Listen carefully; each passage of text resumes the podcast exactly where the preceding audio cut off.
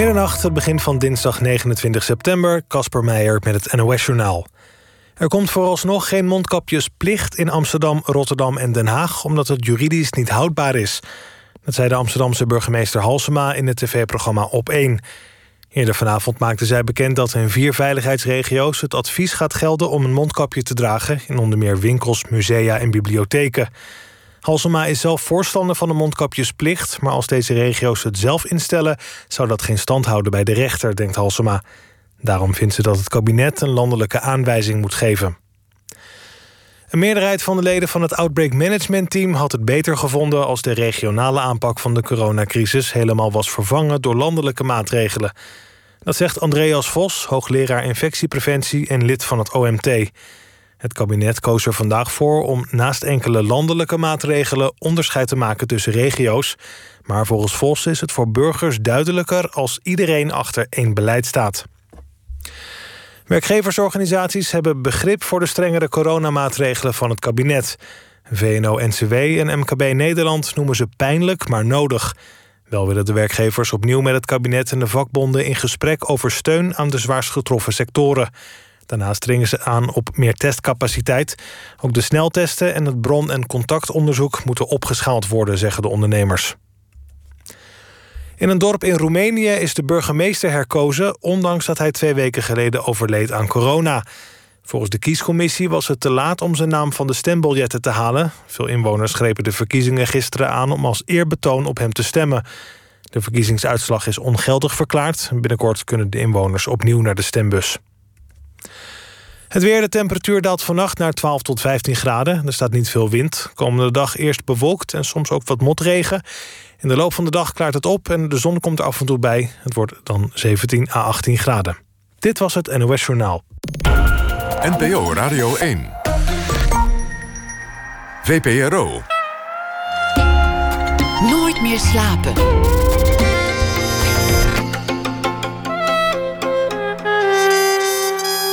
Met Pieter van der Wielen. Goedenacht en dit is Nooit meer slapen. Ik heb ze allemaal gekeken. Alle persconferenties, de gelegenheden om vragen te stellen. En dan komt er toch het moment dat je ondanks al die draconische maatregelen en die verontrustende berichten alleen nog maar kan kijken naar de handjes. De handjes van politici. En mijn gastkomend uur die zag daar een voorstelling in. Het is eigenlijk als een dans. En alsof hij al voorzag wat wij nog lang niet uh, hadden kunnen voorzien. Dat in volle zalen zitten er voorlopig niet in ziet. Heeft hij iets nieuws uh, bedacht. En dat is een virtueel theater. VR. Net alsof je er zelf bij bent.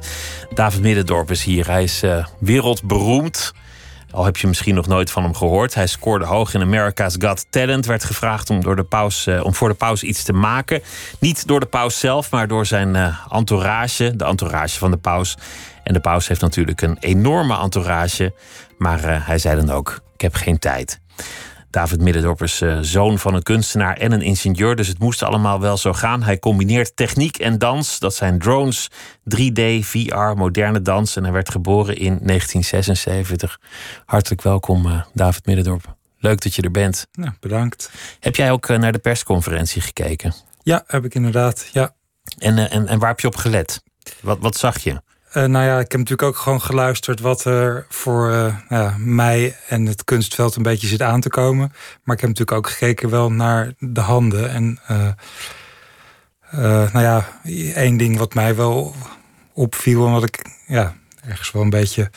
nou ja, wat ik opvallend vond, is de, de dame die de ehm, de handgebaren deed die toch twee keer in haar hand hoestte in plaats van in haar elleboog. Terwijl we nou toch al zeven maanden potjandori horen dat we in onze, onze elleboogjes moeten gaan niezen. Ja, ja. En dan sta je daar op dat landelijk podium. Dat zou mij nou ook gebeuren, denk ik. Dat je dan op zo'n moment toch ineens in je hand niest. Ja, nee, dat zou, zou, zou mij ook zomaar kunnen gebeuren. Ik ben ook wel eens van een toen ik op school zat van een trapje gekukkeld. Terwijl ik voor het eerst in Ahoy een heel klein bijrolletje uh, had. En dat was misschien hetzelfde gevoel als die dame die in haar hand nieste. Dat gevoel kennen we wel. Wat, wat is dat met die handen? Waar, waarom let je zo op die handen? Hoe is dat begonnen? Uh, ja, de, gewoon een, een, fascinatie die langzaam is ontstaan. Uh, het heeft wel wat dingen die gebeurd zijn die me daartoe geleid hebben. Uh, Dus een keer een, kreeg ik een berichtje van een vriendin van een goede vriend van mij uit Amerika. En die zei: Ja, een jongen is binnenkort jarig. zou je voor hem een stukje willen dansen? Dat zou hij ontzettend leuk vinden. Nou, ik, ik dans al een tijd niet meer op een manier dat ik dat graag aan mensen wil laten zien. dus ik dacht van ja, hoe kan ik dat anders doen? Toen dacht ik, oké, ik, dans een stuk met mijn handen. Toen heb ik gewoon muziek opgezet en geïmproviseerd. Uh, en dat werd eigenlijk best wel leuk. Wat ik er fascinerend aan vond, is dat ik eigenlijk ja, mezelf toch best wel herkende in mijn handbewegingen. Er zit een stukje uh, ja, onderbewustzijn wat je erin stopt. Het is een heel eerlijk soort van improviseren. Omdat mensen vaak geen controle hebben over hun handen. En dat het voor, voor de meeste mensen juist niet gechoreografeerd is. Ja, precies. Ja. Uh, nee, ik denk ook inderdaad, als je naar mensen gewoon kijkt, dat je met je handen veel moeilijker liegt dan, dan in woorden. Uh, ik denk überhaupt in lichaamstaal dat mensen heel moeilijk liegen of heel moeilijk uh, de ander voor de gek kunnen houden, zeg maar. met woorden hebben we dat best goed geleerd, maar ja, gewoon aan iemand zijn houding zie je toch best wel goed van, oh, diegene is zenuwachtig, gespannen, wil heel graag iets overbrengen. Terwijl ik dit zeg, merk ik ook dat ik met mijn hand ga schudden. Dus ja, ik probeer blijkbaar toch ook duidelijk iets, iets duidelijk te maken. Uh, ja. We begrijpen het allemaal, maar er is niet een duidelijke taal voor de handen. Behalve wanneer het gaat om een dove tolk. Ja. Inmiddels hebben we die zo vaak gezien dat we ook al een beetje gebarentaal leren begrijpen. Mark Rutte die, die probeert een weg te banen. Die heeft dan ook altijd twee handen voor zich uit die die heen en weer beweegt alsof hij de, de weg wijst. Als een, bijbel, een bijbels figuur zo'n beetje. Van daarheen leidt het pad. En Hugo de Jonge is iemand die houdt van aanpakken. Dus die heeft ook de hele tijd, moet je maar opletten, een soort aanpakkende beweging. En hoe groter de crisis, hoe groter die aanpakkende beweging wordt. Heel, wat hij ah. moet aanpakken is heel groot, ja. heel, heel wijd. Maar dat is allemaal nog niet zo interessant als de handen van Donald Trump. Nee, inderdaad. Nou ja, ook een ding wat me vandaag uh, opviel, is dat uh, onze premier een, een, een uh, iets overgenomen heeft van, van Merkel. Die maakt, vandaag zag ik hem dat een paar keer doen, dan maakt hij zo'n soort, ja, hoe zou ik het noemen, een soort kooitje met zijn handen. Als hij dan even. De, de, vingers tegen elkaar en de duimen. Ja. En dan, dan heb je eigenlijk een soort, ja, wat is het, een cilindertje? Ja, ik weet er geen naam aan te geven, maar dat een dingetje. Maar dat is allemaal heel ingetogen nog. Het is allemaal heel ordentelijk, ja, die handjes. Precies. Ja, Nee, en inderdaad. Een beetje kuis ook, boven de lakens. Ja, precies. Nee, uh, ja, naar Trump kijkende is, is, leuk omdat hij ja, veel wilder en ongecontroleerder, uh, misschien ook wel eerlijker is in, in zijn handen. Uh, het, het, het gaat vaak van heel wild zwaaiend als een boze puber, als hij dan vooral probeert uit te leggen hoe slecht de ene partij is. En daarna aanduidt hoe gericht en helder hij is. Dan krijg je daarna vaak hele gerichte, gepunte, uh, hakkende bewegingen. waarin hij laat zien: nou, wij gaan het zo doen. En dan maar doet hij of iets wat heel erg, uh, nou ja, heel erg uh, ja, duidelijk en helder is in elk geval. Het zijn hele resolute bewegingen met de handen. Hoe, maak je daar een choreografie van? En hoe laat je dansers met meer dan alleen hun handen uitbeelden wat, wat anderen met hun handen uitbeelden? Uh, ja, ik heb dus naar een paar, paar dingen gekeken. Gewoon, uh, gewoon heel letterlijk, wat is de vorm van een hand en wat is de dynamiek van een hand? Dus de snelheid waar, waarmee iets beweegt. Uh, en ik heb naar een paar politici gekeken en gewoon dat letterlijk uit mijn hoofd geleerd. Ehm, en daar ben ik mee gaan improviseren. Eigenlijk net zoals dat net zei voor die verjaardag wat ik gedaan heb. Uh, dan krijg je dus een soort handenchoreografie die voor een deel uh, nou, geleend is van politici en voor een deel van mij is. Ehm, en dat hebben we de hele tijd heel groot geprojecteerd achter in de studio. Uh, weergegeven. En zijn we heel langzaam dat eigenlijk in slow motion gaan ontleden naar ja, wat, wat, wat betekent die beweging, gewoon emotioneel. En wat. Uh, en hoe kunnen we die vorm overnemen? Of wat is het belangrijkste aan deze bewegingen? Het, het emotionele of juist, juist meer, meer de vorm. En zo hebben we eigenlijk heel langzaam stukken handelchoreografie omgezet in stukken danstaal.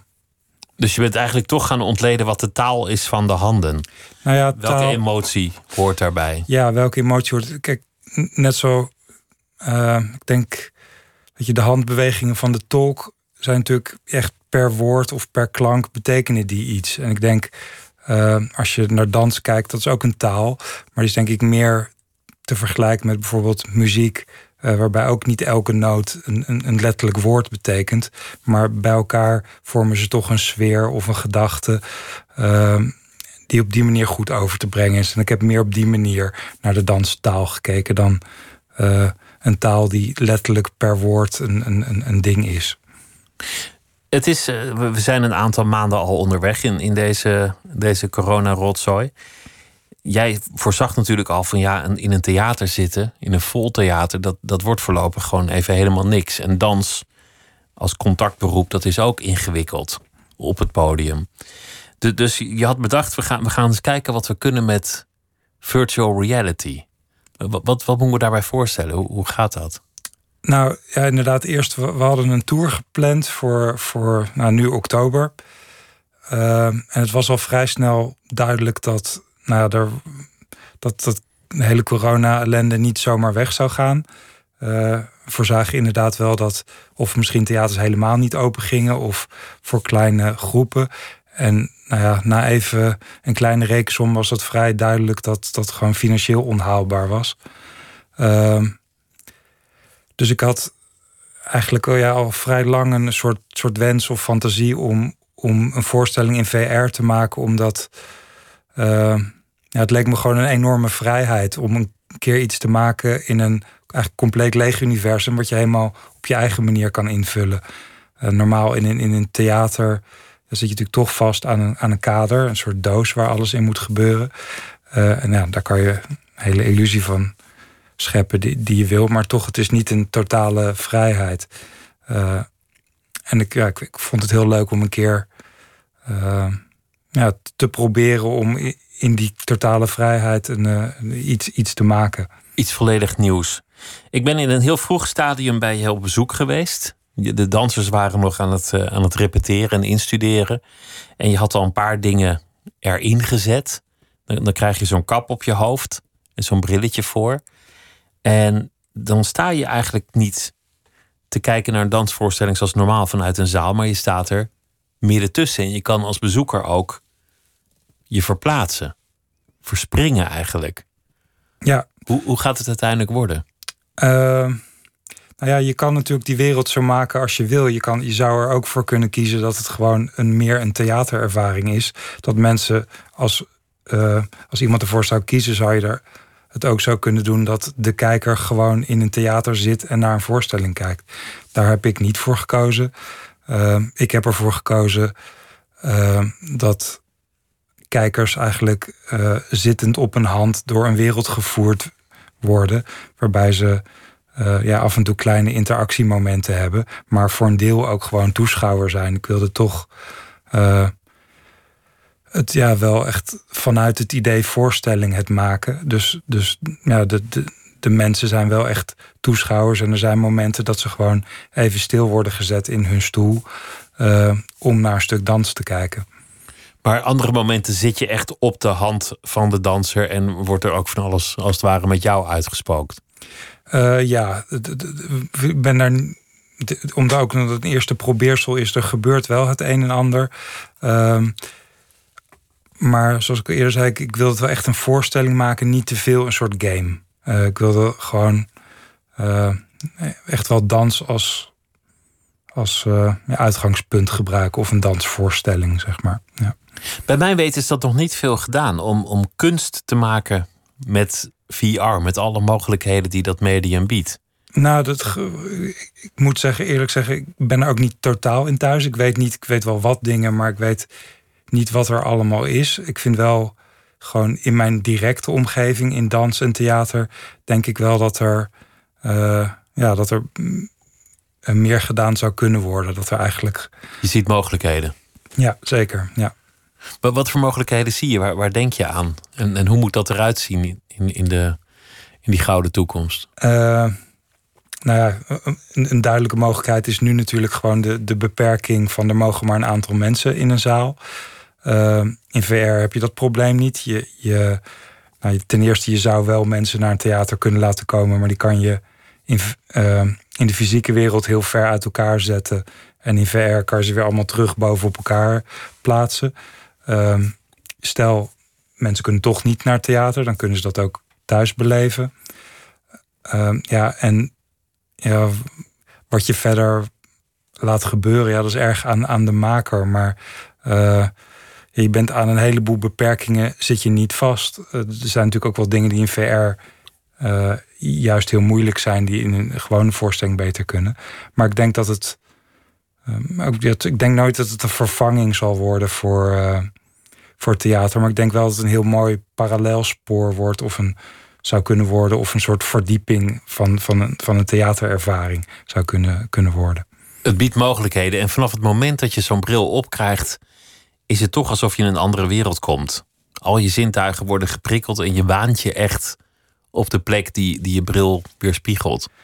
Ja, nou ja, dat is echt wonderlijk. Ja, nou, het, het, wonderlijke vind ik vooral eigenlijk dat helemaal niet al je zintuigen geprikkeld worden. Er worden eigenlijk vooral je ogen. Het is vooral je ogen en je oren. Maar het voelt alsof, alsof je fysiek wordt meegevoerd. Ja, en toch, dat is blijkbaar genoeg om mensen toch het gevoel te geven dat ze fysiek op een andere plek zijn. En ja, daar valt nog een heleboel in te ontdekken en mee te spelen, denk ik. Jij doet al die techniek ook zelf. Naast dat je de choreografie doet en, en de dansers uh, traint en, en instudeert, ben je ook helemaal verantwoordelijk voor het, voor het inscannen, het vormgeven en, al die dingen die erbij komen kijken. Nou, programmeren. Ik, krijg daar ook heel veel hulp bij hoor. Het, was inderdaad zo vroeger dat ik alles zelf deed, maar dat is nu zeker niet meer zo. Er zit nu ook gewoon heel iemand heel hard te werken om deze VR-wereld te, te bouwen. Uh, daar heb ik wel. Uh, stukjes aan meegeholpen. Uh, maar ik ja, denk dat mijn kerntaak toch het bedenken en het uitvinden is. Uh, en ja, iemand die de hele dag games bouwt of animaties maakt, die is gewoon uh, ja, in, in dat vakmanschap, dat deel van het vakmanschap gewoon beter geworden, zeg maar. Dus ik, Lijkt me ook een complex specialisme. Ja, nee, ik, ik denk dat ik er genoeg aan geroken heb en mee gespeeld heb om goed een idee te hebben van wat er kan. Uh, en daardoor ook daar heel goed ja, me, vrij in voel om in zo'n techniek te bewegen. Uh, meestal als ik een nieuwe technologie in iets gebruik, ga ik er ook heel erg eerst zelf mee bouwen of spelen of uh, uitvinden. Ehm, en ja, daardoor probeer ik een beetje de, de verf te leren kennen waar ik later mee ga, ga schilderen, zeg maar. Veel, veel dansers en veel choreografen hebben volgens mij niet zo heel veel met techniek of met de digitale wereld. Nee. Dat ze juist in dans dat, dat menselijke zoeken, de menselijke maat. Nou ja, dat snap ik ook natuurlijk. Uh, ja, je, je, lichaam en, en dans op zichzelf vind ik ook heel erg mooi. Uh, ja, hoe ik het zie is dat ja, technologie, ik denk dat je daar heel erg. Ja, ja, mensen zien dat vaak inderdaad als iets kouds en verafs. En die denken aan crashende computers en dingen die, die, eigenlijk uh, ja, weinig menselijk zijn. Maar ik denk, ja, in, in bijna alle technologie zie je juist, denk ik, heel erg de wensen en verlangens van mensen. Ja, we gaan niet een vliegtuig bouwen als we niet ooit de droom van vliegen gehad hadden. En de, meer duistere kant ook. Ik, we maken alleen wapens, geweren, tanks, omdat we ja, een, duistere kant hebben, zeg maar. Dus ik denk dat je juist in technologie. Uh, ja, een, een heel groot stuk bijna collectief uh, ja, bewustzijn vindt, zeg maar. En, en, daarin de verlangens en, uh, en, en wensen van mensen.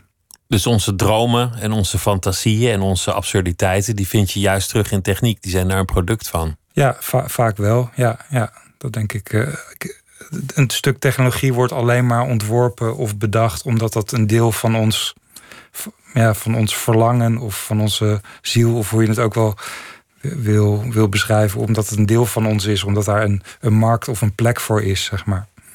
De voorstelling die jij maakte alweer een paar jaar geleden voor America's Got Talent. Dat was een moment nou ja, van, van grote glorie voor jou. Het, het, het baarde enorm opzien. De, de juryleden gingen, gingen staan om, om te applaudisseren, wat ze normaal niet deden. En die, die toonden zich zichtbaar ontroerd door wat jullie hadden gemaakt. En, en als ik het goed heb begrepen, in een relatief korte tijd dat je dat ook moest maken, of viel dat wel mee? Ja, nou dat werd inderdaad steeds, steeds sneller. Uh, eerst uh, gewoon iets laten zien wat al gemaakt was, of daar een klein kort stukje uh, van laten zien. Ik, het was ook zo dat ik, ik had een telefoontje gekregen van iemand van America's Got Talent. En die had dat stukje, specifieke stukje op YouTube gezien. En zei van, goh, zou je dat hier willen komen doen? En ik twijfelde best wel van, goh, wil ik aan zo'n enorm uh, commercieel programma meedoen... wat misschien allemaal dingen van mij wil die ik niet wil... en blijft er nog wel iets over van uh, ja, wat ik eigenlijk met dat stuk heb willen zeggen. Uh, nou, toch gedaan.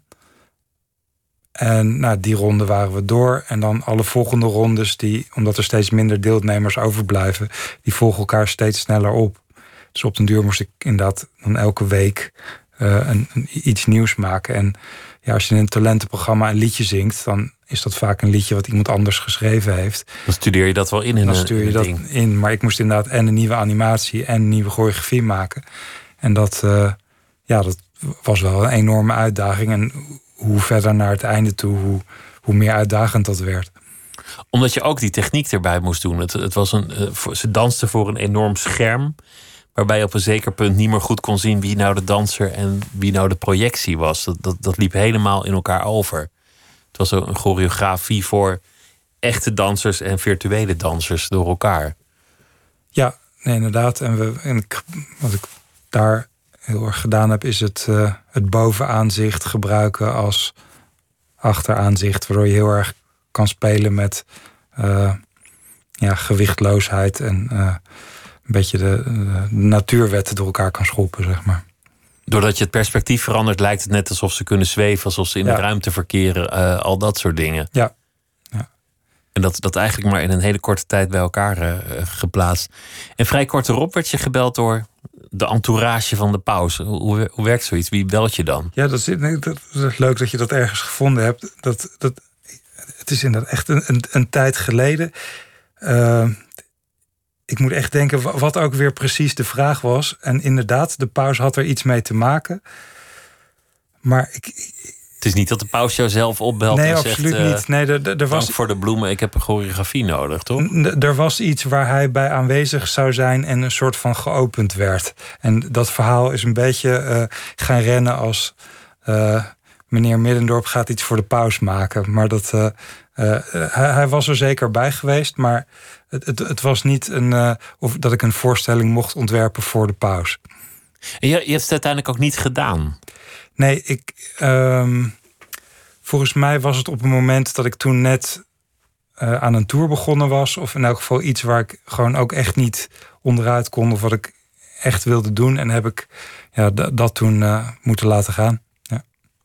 Ik vind het wel bijzonder, want, want, want je, je had op een punt kunnen komen dat heel veel mensen iets van je wilden, omdat ze, dat ze toch spektakel zoeken. En spektakel kon je bieden op dat moment met, met wat jij had uitgevonden. Maar ik krijg de indruk dat het jou helemaal niet interesseert om dat te doen. Nou, ik, soms vind ik spektakel op zijn plek heel erg leuk. Uh, maar uh, het is niet een doel op zich. Het is ook niet een doel op zich om iets nieuws te maken, zeg maar. Het, het, het, het gebeurt omdat ik iets interessant vind en iets wil uitzoeken. En de ene keer leidt dat tot iets nieuws en de andere keer misschien niet. Uh, maar het is niet een doel op zich. Meestal is een, het doel meer... Uh, ja, wat voor verhaal of sfeer wil ik neerzetten of, of, vertellen. en, en daar... ja, of, of het doel is een, een, bepaald vraagstuk uitdiepen... of voor mezelf beantwoorden, zeg maar. maar niet... Een soort onderzoek eigenlijk. Ja, ja het is, het, ik denk dat, dat elk stuk wat ik ooit gemaakt heb... op een bepaalde manier voortkomt uit een soort nieuwsgierigheid. Nieuwsgierigheid naar de techniek of, of naar. Nou, naar ook wel naar beeld. mensen. Ja, uh, het is heel vaak inderdaad tussen de relatie tussen mensen en technologie. Soms ook wel mensen op zich. Uh, soms ook wel technologie op zich. Maar meestal wel technologie en mensen op de een of andere manier. Hoe die zich verhouden. Het liedje dat je uh, gebruikte in, in een van de ja, de meest spraakmakende voorstellingen voor America's Got Talent was ehm, It's a Wonderful Life. Maar, maar niet het origineel van, van Black, maar een ander. Welke is dat? Ja, van Smith en Barrows, als ik het goed zeg. Uh, ja, uh, daar heb ik met nogal aardige discussie over gehad bij America's Got Talent. Dat was meestal bij mijn muziekkeuze. Want ja, zij wilde het liever toch wel een stuk commerciëler.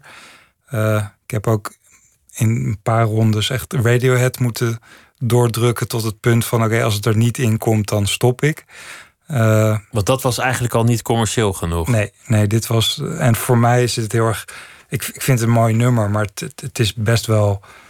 Uh, het, het is heel, breed en het, het, is, het is lekker, maar het, raakt me wel. En ja, daardoor kon ik het toch goed gebruiken en plaatsen in het, het stuk wat ik wilde maken. Een van de mooiste liedjes uh, ooit geschreven. We gaan uh, luisteren.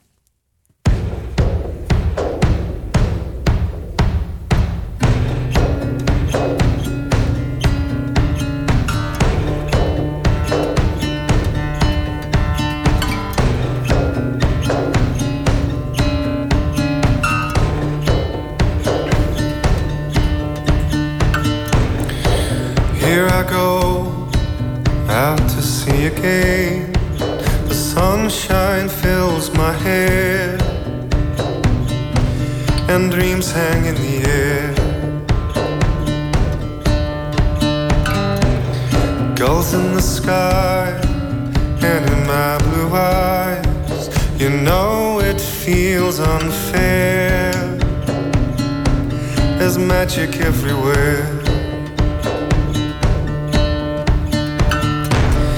Look at me standing here on my own again, up straight in the sunshine.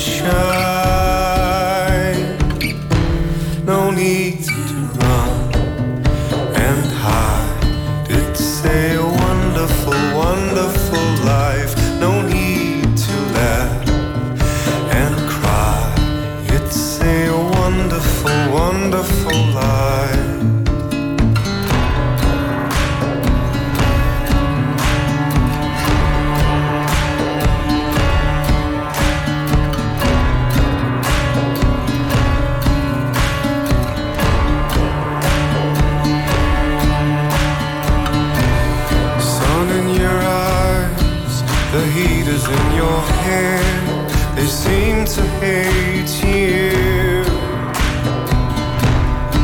because you're there. And I need a friend, oh, I need a friend to make me happy. Not stand here on my own. At me standing here on my own again, up straight in the sunshine.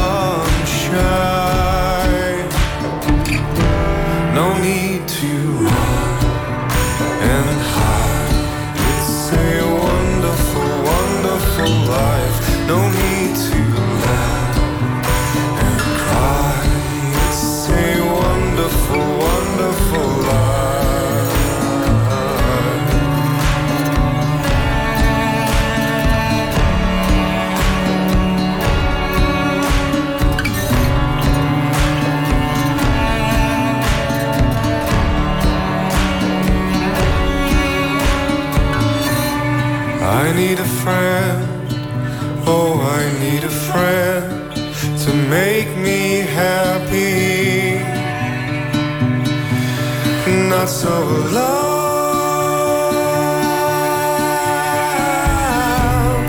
Look at me here, here on my own again, up straight in the sunshine.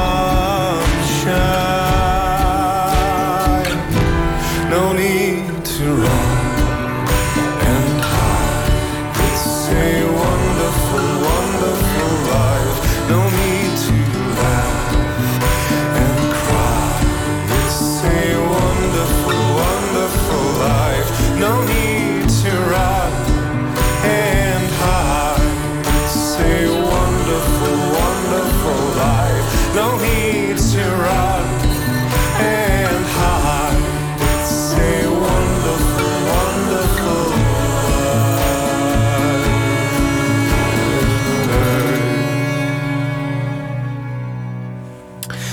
Oorspronkelijk van Black. En dit was in een uh, andere versie die David Middendorp gebruikte in zijn voorstelling uh, die hij maakte voor America's Got Talent. Daarop volgde Britain's Got Talent. En toen uh, alle landen die talent dachten te hebben, zich vervolgens melden voor zo'n soortgelijke opdracht.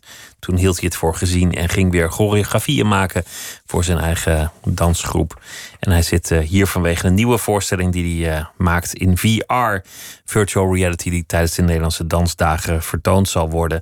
En het gaat over communiceren met de handen, praten met de handjes. Wat je ook ziet bij de persconferentie bijvoorbeeld, waar we mee begonnen. Ik zei aan het begin in de inleiding dat, uh, dat je zoon van een kunstenaar en een ingenieur bent. Dus nou ja, daar zie ik natuurlijk een wereld van logica dat je daarna techniek en dans gaat, gaat uh, verenigen. Wat voor kunstenaar was je moeder of is je moeder? Uh, nou, ze beeldend kunstenaar, maar daarbij illustreerde ze ook kinderboeken, dus ook illustrator. ja, ze maakt ook wel ruimtelijk werk, gewoon meer sculpturen. Uh, ja, en wat ik aan haar werk heel mooi vind en bewonder is het uh, ja, vaak op een best wel intu intuïtieve manier iets gemaakt zonder zich uh, veel aan te trekken van wat er uh, van buiten komt. Ik heb het gevoel dat het heel erg van, van binnenuit iets is. Uh, heel autonoom. En je vader, ingenieur in, in de, de waterbouwkunde, als ik me goed Weg- en waterbouw. Weg- en waterbouw. Ja, ja. Nou, dat, is, dat is meteen een mooi beroep natuurlijk. wat, wat voor wegen en uh, wateren heeft hij dan op zijn, op zijn, zijn uh, palmares staan? Uh, nou, waar hij, hij, heel erg mee bezig is, is funderingen. Dus nou ja, Nederland is voor een groot deel klei. En als je daar gewoon een gebouw op zet, dan zakt het de grond in. dus wat we doen is vaak heien, palen de grond inslaan. Uh, maar je wil eigenlijk weten of zo'n paal, uh, wat er onder de grond precies mee gebeurt. Of die stuk is, of die wel goed op iets hard genoeg staat. En uh, nou ja, daar houdt hij zich mee bezig om daar meetapparatuur voor te, te ontwikkelen. Een man van de stabiliteit, kortom. Ja. En, en dan groeide jij op met, met die twee ouders. Nou, je gaat glimlachen als je over ze praat. Dus ik denk dat, dat het nog steeds een hele goede band is die je met ze hebt, of niet? Ja, zeker. Nee, mijn, ouders uh, uh, ja, hebben me ook altijd erg gestimuleerd en gesteund in, in wat ik doe. Uh, ja, ook wel echt gevormd in smaak, maar ook wel in nieuwsgierig maken. Denk ik, ja, mijn vader heeft heel vaak ja, me laten afvragen hoe en waarom iets zo werkt.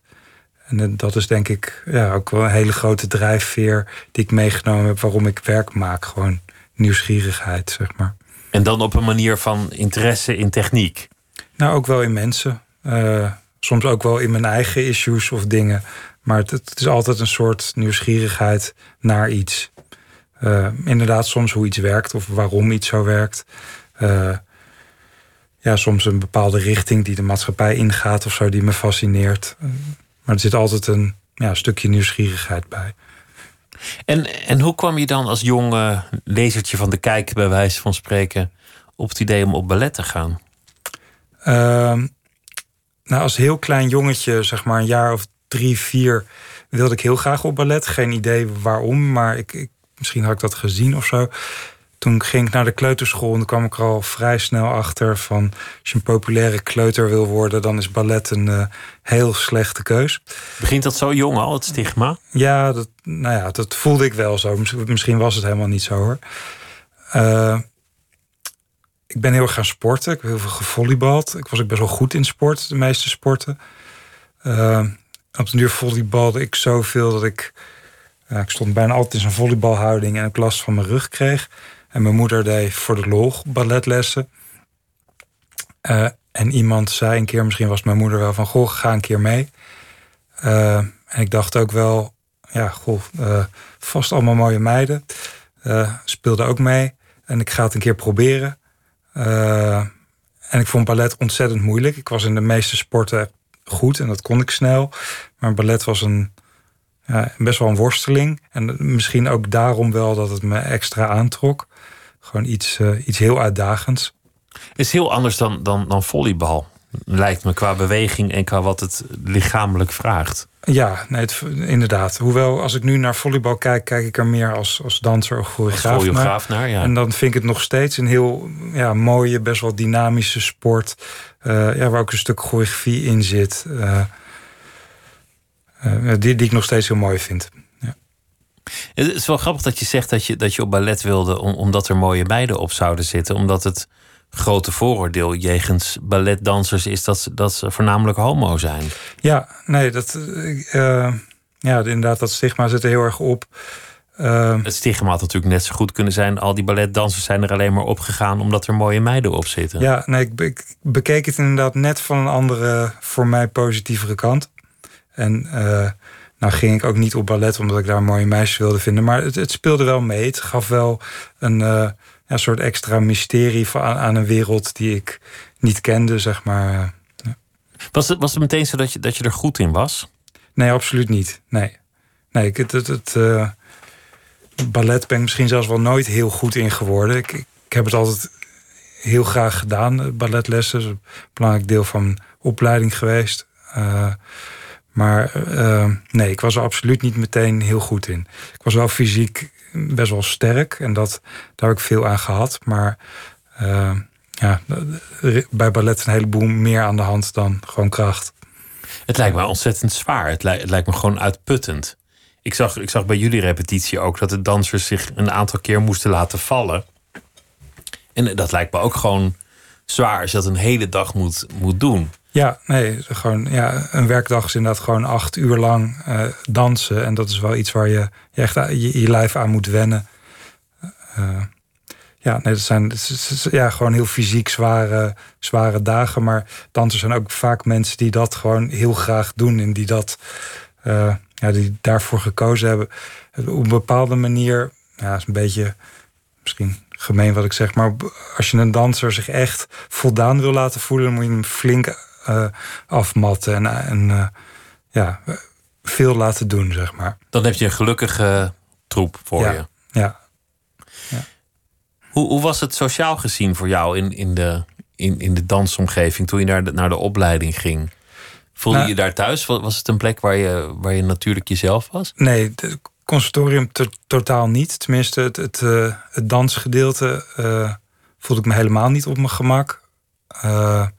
Ik was ook de enige of een van de weinige jongens die, die, die niet op andere jongens viel. En veel van mijn klasgenoten waren heel erg ermee bezig dat uit te vinden. En ja, voor mij was dat, dat, dat, dat, was niet een mysterie. Ik was met hele andere dingen bezig. Uh, ja, ook mijn bouw uh, ja, werd niet gewaardeerd. Het, het, beetje het gespierd. Ja, een beetje het stereotype ballet is gewoon toch lang, dun en ik was gewoon sterk. Uh, uh, en dat, dat, ja, dat werd ook niet mooi gevonden. Dus, nee, dat, dat moest ik heel erg gaan wennen. Ook, ook wel gewoon het. Uh, best wel heel veel na, nadruk voor mij op uiterlijk, waar ik normaal niet zo mee bezig was. Dus welk kledingmerk, welke shampoo, welke deo. Uh, waren dingen waar ik daarvoor totaal nul mee bezig was. En ja, op den duur wel gewoon iets aan die wereld moest aanpassen. Uh, maar dat, nee, dat, uh, dat, dat, daar zat best wel een wrijving in. Als ik dit zo hoor, mag het eigenlijk een wonder heten dat je erin verder bent gegaan en dat het toch je, je beroep is geworden. Ja, nou het bewegen en het dansen zelf, dat, dat vond ik wel, dat, dat, dat vond ik heerlijk. En ik er waren af en toe ook wel lessen en dingen, uh, meer moderne dans of in het begin ook wel jazzachtige dingen die, waarvan ik voelde: oké, dit wil ik echt doen. Uh, dit voelt goed. Ook wel een paar voorstellingen die ik gezien had, waarvan ik dacht: oké, ja, dit is een, een, wereld waar ik aan, aan mee wil bouwen of iets voor wil betekenen, zeg maar. Ja, dus dat heeft me wel toch bij, bij de dans gehouden. Je hebt, je vrij lang in Duitsland gewerkt. Ja. In welke steden heb je allemaal gebivakkeerd? Uh, in twee steden hoofdzakelijk. In Saarbrücken en in München. Ja. En, uh, wat, wat, wat voor tijd was dat? Hoe, hoe, vond je het daar? Uh, ik heb er eigenlijk heel erg van genoten. Het, het begin, ik heb een paar Joodse voorouders die het misschien moeilijk gehad hadden met mijn Duitsland reizen. Uh, dus ik had ook best wel een vooroordeel misschien tegen Duitsland. Maar daar zijn de, nee, vond ik het eigenlijk heel, heel prettig. Uh, het eerste theater had wel wat probleemvoller. Met een, uh, een directeur die gewoon niet goed de groep bij elkaar kon houden. Uh, dat was in Saarbrücken. waar ik toch hele mooie dingen daar gedaan heb. Maar in, in, in München had ik echt heel erg naar mijn zin. Het was gewoon een hele ja, fijne directeur die ja, een hele mooie groep opgebouwd had. Want, want er komen veel uitmuntende dansgroepen uit Duitsland op de een of andere manier. Ik bedoel, Nederland heeft ook een fantastische reputatie op dat vlak, maar. Ja, het, ja, het hele systeem in Duitsland is heel anders. Uh, wij hebben in Nederland gezelschappen die door Nederland reizen. En in Duitsland heb je ja, meer per stad een theater. En dat geeft ja, een hele andere dynamiek. Uh, ja, wat ik bijvoorbeeld in Saarbrücken best bijzonder vond, is dat je als danser gewoon soms op straat herkend wordt uh, als danser zijnde. En dat zal in Nederland niet zo snel gebeuren. Uh, zelfs al dans je bij een, nou, ik weet niet, een Nationaal Ballet of een NDT, dan, dan nog gebeurt het misschien wel eens, maar, maar niet zo erg. Terwijl in Saarbrücken was het gewoon iets waar ja, mensen echt naar uitkeken. Van oké, we gaan met de familie weer een keer naar dans. Of er komt een musical aan. En die waren heel erg trots op die ene plek in hun stad, het theater. Uh, ja, die trots is er in Nederland, voel ik die minder. Het, is, het is ook een, een, een mooi systeem om een theater echt in een stad geworteld te laten zijn. En daar ook een, een club aan te verbinden. Ja, het heeft, het heeft hele mooie kanten. Het heeft ook wel nadelen. Mensen uh, zien gewoon minder. Het is natuurlijk.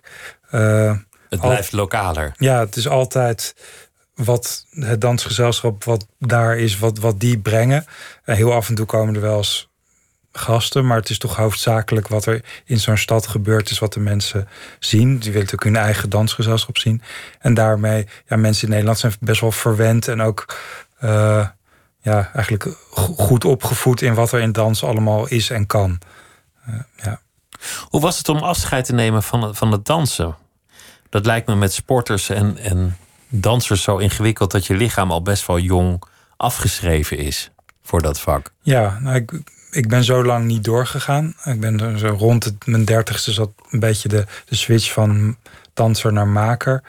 Uh, maar hoe ging dat? Kreeg, kreeg je pijntjes of, of voelde je je uitgeput? Of dacht je gewoon van, Nee, nou... het, het, was ook wel gewoon een, een, wat belangrijk was sowieso is dat ik het maken heel erg leuk vond. Dus het nam het ook automatisch gewoon meer over. Maar er zat ook wel iets bij. Ja, je moet een soort exhibitionisme eigenlijk hebben als danser. Uh, en die, die die raakte ik, die had ik wel, maar die, die raakte ik gewoon een beetje kwijt. Uh, je vond het niet meer interessant om mensen naar je lichaam te laten kijken? Ja, om, nou ja, het applaus en, en zo, dat, dat, ja, dat was niet meer hetgene waarvoor ik het deed. Het, het bewegen zelf in een studio of bij wijze van spreken in een donkere kamer uh, in mijn huis vond ik nog heerlijk. Maar de, de, de stress van het voor publiek optreden, dat gaf me ja, vooral stress en minder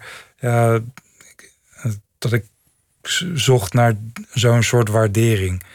Uh, ja, nee, het was meer het dansen zelf wat me eigenlijk lol en plezier en voldoening gaf. Maar nu ben je waarschijnlijk op een punt dat je, dat je dingen die je twintig jaar geleden kon of tien jaar geleden absoluut niet meer zou kunnen. Ja, nee, natuurlijk. En dat is uh, uh, ja, nee, soms best frustrerend. Alleen. ja, zeg ik, want ik kon het twintig jaar, 20 jaar geleden al niet. dus, dus makkelijk praten. Maar ja. Maar het lijkt me toch frustrerend om als je relatief jong bent te zien dat, dat, dat heel veel dingen gewoon echt niet meer gaan.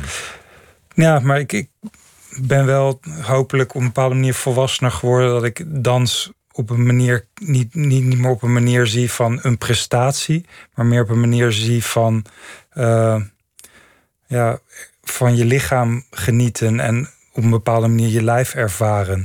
En op die manier kan ik eigenlijk steeds beter weer gewoon dansen. Zonder dat er een druk op voor mezelf zit van het moet goed of het moet aan een plaatje of iets voldoen. Ik, uh, dat been hoeft niet per se heel hoog te komen of nee, wat dan ook. Ik denk ook dat dat uh, ja, zeker geen essentie van dans zou moeten zijn. Uh, na natuurlijk, de acrobatiek of wat dan ook. Nee, natuurlijk zeker als je jong bent is dat iets waar je naar opkijkt. En ook wel wat voor, voor ja, jonge mensen misschien wel ze juist daartoe trekt van je wil dat kunstje kunnen en dat, dat, dat uh, ja, fascineert je en je wilt laten zien dat je dat kan. Uh, maar ja, voor mij zit er toch een, een andere laag aan dans. Uh, ook nu nog die ik heel fijn vind, waar, waarbij ik dat niet nodig heb. gelukkig maar, want dat kan ik ook gewoon niet meer. Ja. Toen, toen je de combinatie ging maken van, van het maken van voorstellingen en techniek in dans, wat was de eerste? Was dat die met, met de broden? Ja, nee, ik heb inderdaad toen ik in, uh, nog in München werkte, uh, ja, samen met een paar collega's of voor een paar collega-dansers, dat, dat stuk gemaakt met, uh, met, met afstandsbestuurbaar brood, inderdaad. Ik, het is een stuk wat door Introdans nou, een paar jaar geleden ook nog gedaan wordt. Ik hoop dat ze het nog een keer terugnemen. Ja, dat is inderdaad het, het, eerste waarbij ik echt technologie en, en dans samen samenzetten. En, en wat is een afstandsbestuurbaar brood en, en hoe werkt dat? nou ja, heel simpel gezegd, gewoon een afstandsbestuurbaar autootje wat ik gebouwd had in een brood. Gewoon een casino wit en dan, dan zo'n wagentje erin. Ja, ja, en het moest iets meer kunnen dan, dan rijden. Er zat een, eh, een liefdescène in waar kadetjes uit voort moesten komen. Dus het brood moest behalve rijden ook kunnen schudden. Uh, de, de broden moesten de liefde bedrijven. En dat, uh, nou ja, daarvoor moest ik ook een mechaniekje bouwen. En dan kleinere broodjes baren. Ja, precies. Maar, maar dat, dat klinkt alsof het als een, als een grap begonnen is. Nou ja, de, ja uh, nou, het, het, was niet. Er zat wel een groot komisch element aan dat stuk. Maar ook wel gewoon een grote fascinatie voor hoe vertel ik een verhaal met technologie en met mensen. Uh, en wat wordt dat verhaal dan? Ja. En waar ging dat verhaal dan over? Ja, voor mij uh, ging dat stuk, en dat is later nog wel teruggekomen, over uniek zijn. Over op een bepaalde manier anders zijn. Ik had. Uh, in mijn fantasie was er een soort enorme lopende band van broden. En er waren twee werkers die daar de hele tijd ja, aan, aan dat brood bezig waren. Misschien het kneden of het misschien opstapelen of zo. Maar die, die enorme lopende band die gaat maar door en die gaat maar door totdat er één brood eigenlijk een soort van opstand begint. En zegt van hé, hey, ik, ik wil van die, van die lopende band af en uh, ik ga mijn eigen gang en kijk wat daaruit voortkomt. Dus er zat een soort uh, ja, fascinatie in voor iemand die misschien wel in de maatschappij of zo eigenlijk uit, uit de toon springt. En daarmee iets in werking zet.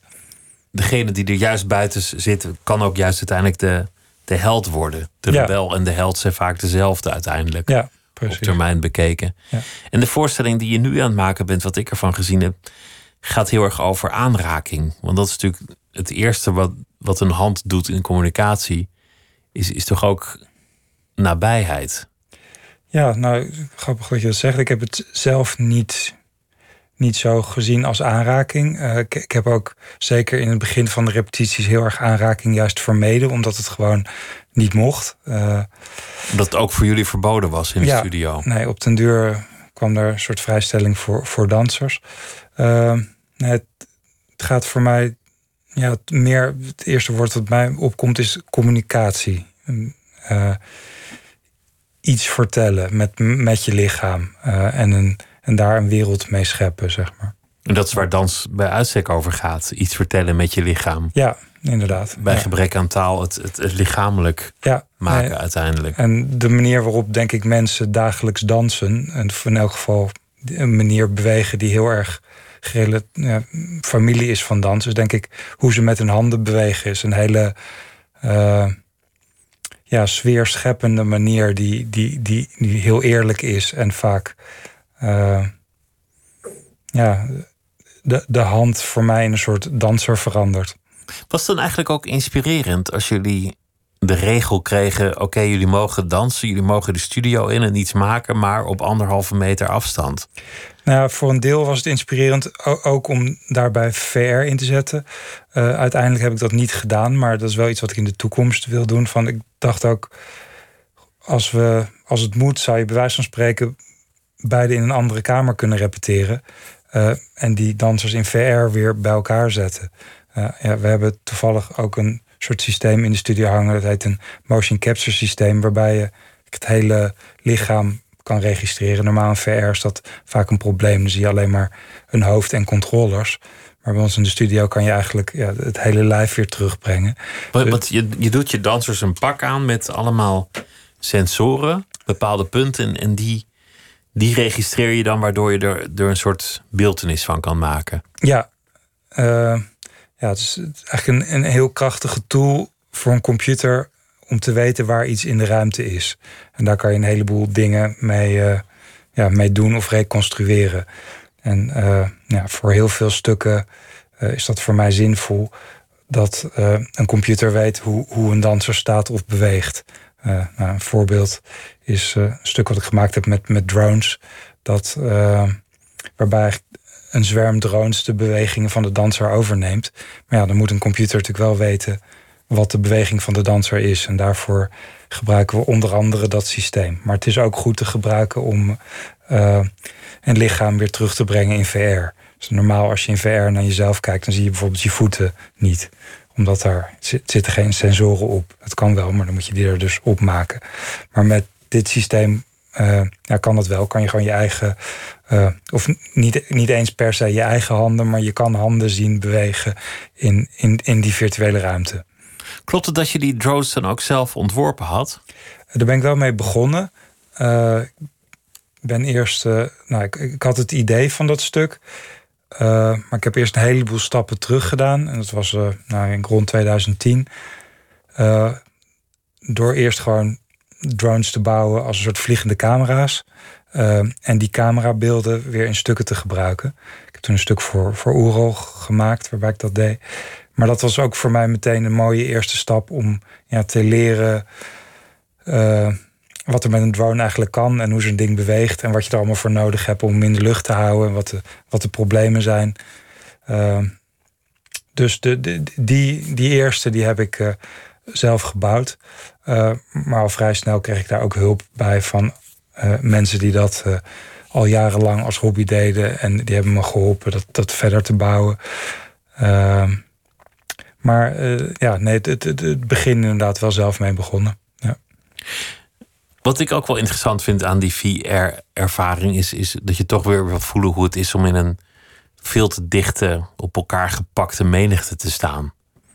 Wat, bijna een soort verre herinnering wordt. Ja, nee, je kan inderdaad uh, alles wat je bedenkt uh, terug laten komen. Maar inderdaad ook, ja, omdat het nu zo'n zo'n punt is. Je kan dat mensen weer helemaal compleet boven op elkaar terugzetten als je dat daarvoor kiest. Dus ook het theater zelf is een deel van de ervaring in, in wat jullie aan het bouwen zijn. Ja, nee, inderdaad. Ik wilde uh, ja, heel erg denken vanuit een voorstelling. En ook beginnen vanuit een voorstelling. Dus de, de, de bezoekers beginnen de VR-ervaring ook in een zaal. Uh, en ja, vanuit daar gaan dingen gebeuren. Het is echt een grote paradox van, van, van die corona. Dat je geen contact meer mag met mensen. Dat je geen afstand meer hebt met mensen. Dat ons juist ook leert dat we in contact staan met iedereen. Als iemand kucht in China, dan heb je even later hier een pandemie. Ja, nee, Als we het ergens laten voortwoekeren in een, in een afgelegen gebied in Afrika, dan, dan brengen we onszelf in gevaar. Alle mensen staan met elkaar in contact. Als ik nu, nu kucht, dan, dan, uh, bedreig ik jou daarmee. Dus wij staan nu ook in contact, ook al zitten we op een, op een nette afstand met, met een glas ertussen. Maar tegelijk wordt, wordt de afstand onnatuurlijk en, en angstaanjagend. Het is eigenlijk ook een permanente dans wat je om je heen ziet. Ja, zeker. Nee. Uh, ik denk ook wel dat VR daar iets in kan betekenen. Uh, ja, het kan toch mensen dichter bij elkaar brengen. Uh, je hebt gewoon die, die fysieke werkelijkheid minder nodig om toch samen te kunnen zijn, zeg maar. We kunnen dat menselijk contact dat, dat we zo missen. Gedeeltelijk. We weer voor een gedeelte terug te overen, wellicht. Het, het is zeker geen vervanging. Maar ik denk wel dat het kan helpen een gedeelte terug te halen. Ja. Hoe ver sta je er eigenlijk mee? Want, want is die voorstelling nu helemaal af in kannen en kruiken? Nee, absoluut niet. Uh, oh, nee. Dus je hebt eigenlijk ook nu een beetje een soort van ja, een, een, stress. Een, een, een lichte stress over of het allemaal uh, goed wordt. Nou, uh, nou, het is ook zo, in, de dansdagen wil ik gewoon een goede uh, voorstelling neerzetten. Maar in mijn achterhoofd heb ik ook wel van... het is een experiment en ik ga er zeker daarna nog verder mee aan de slag. Uh, ik wil ook gewoon... Het, het, is een leerervaring van waarbij ik een aantal vragen wil beantwoorden. En één daarvan is in hoeverre kan VR uh, iets betekenen voor het theater of voor de podiumkunsten? En hoe ver kan het iets voor mij betekenen? Uh, en ja, in hoeverre wil ik dat dingen interactief zijn? Of in hoeverre wil ik dat het gewoon meer een zitervaring is? Uh, dus er zijn een aantal van, van dat soort vragen die, die ik in deze voorstelling heb. Ook gewoon voor mezelf om, om daarvan te leren. Want die VR, dat, dat is er nu, maar dat was een aantal jaar geleden in uh, AI, het filmmuseum in Amsterdam. Daar hadden ze een aantal regisseurs er iets mee laten doen. Er zijn ook al musea geweest die kunstenaars hebben losgelaten op, op VR-ervaringen. Dus natuurlijk ook vanuit, uh, vanuit de muziek wordt geprobeerd om een soort, ja, weet ik veel, multidisciplinaire videoclip te maken. Ja. Ik vind het wel leuk hoe alle creatieven erop duiken en, en Ja. iets mee willen en iets mee moeten. Ja, nee, nou ja, dat snap ik ook goed. Het is gewoon een, een, zo'n leeg universum. Wat, eh, ja, wat je zelf kan invullen. En dat maakt natuurlijk vooral voor kunstenaars eh, ja, heel erg spannend. Eh, ja, wel nog een ding wat nu in mijn hoofd schiet, is dat. eh, nou, je hebt zoveel verschillende manieren van VR. eh, en die moeten denk ik ook nog een beetje uitkristalliseren en op eh, op een goede plek terechtkomen. Eh, nou, je kan iets wat een soort op 360 graden opname is, dus gewoon een soort film die om je heen speelt. Dat is eigenlijk een soort simpele vorm van VR. Eh, maar er, kan een heleboel, er zijn een heleboel andere mogelijkheden waarbij eh, meer of in elk geval andere dingen kunnen. Waarbij je zelf ook meer een, een actor wordt in het geheel, bijvoorbeeld. Precies. Wat Ja. met dans misschien niet meteen je eerste gedachte zou zijn. Nee, nou ja, wa- wat je natuurlijk kan doen, en dat kan normaal in een theater niet. Je kan eh, een ervaring, zelfs al zitten er twintig mensen of, of honderd mensen in een zaal, eh, kan je toch iedereen een eigen ervaring geven die niet helemaal hetzelfde is als de buurman. En dat kan natuurlijk normaal als je naast elkaar zit en je kijkt naar dezelfde voorstelling minder goed. Je kan kleine elementen maken die voor, voor die gebruiker uniek zijn. En daarmee eh, ja, misschien ook wel op een andere of misschien ook wel betere manier inspelen op wat past bij die kijker. Het begon ermee dat jullie een tour gepland hadden die in oktober zou beginnen. En jullie zouden best wel lang rondreizen daarmee. Hoe, hoe gaat dat nu verder eigenlijk? Denk je daar nog over na, over die afgelaste voorstelling? Ja, zeker. Nee, het zijn eh, stukken die ik nog steeds wil maken. Uh, nou, we hebben het nu een jaar opgeschoven. Hopelijk kan ik daar uh, dan mee verder. Maar ook VR is wel iets waar ik, wat hopelijk iets is waar ik aan kan blijven werken en verder kan ontwikkelen. En wie weet ook wel andere kunstenaars of mensen uh, mee, ja, mee verder kan helpen. Ik denk dat het in de uh, ja, in, de, in de podiumkunsten nog ja, meer ingezet zou kunnen worden dan op dit moment gebeurt. Wanneer zijn die Nederlandse dansdagen ook alweer? Uh, begin oktober. Wij staan er in elk geval 3 oktober. En ik hoop dat ik het goed zeg, maar volgens mij zijn de Nederlandse dansdagen 1 tot en met 8 oktober. Ik wens je heel veel uh, succes en uh, ook heel veel plezier met de voorstelling David Middendorp. Dank je wel. Aardig dat je langs wilde komen. Het was, was leuk om met je te praten. En morgen dan is uh, Minou Bozoa hier uh, te gast. Want zij heeft ook een uh, voorstelling gemaakt die gaat over moederschap en vaderschap. Dat allemaal morgen in Nooit meer slapen. En zometeen kunt u luisteren.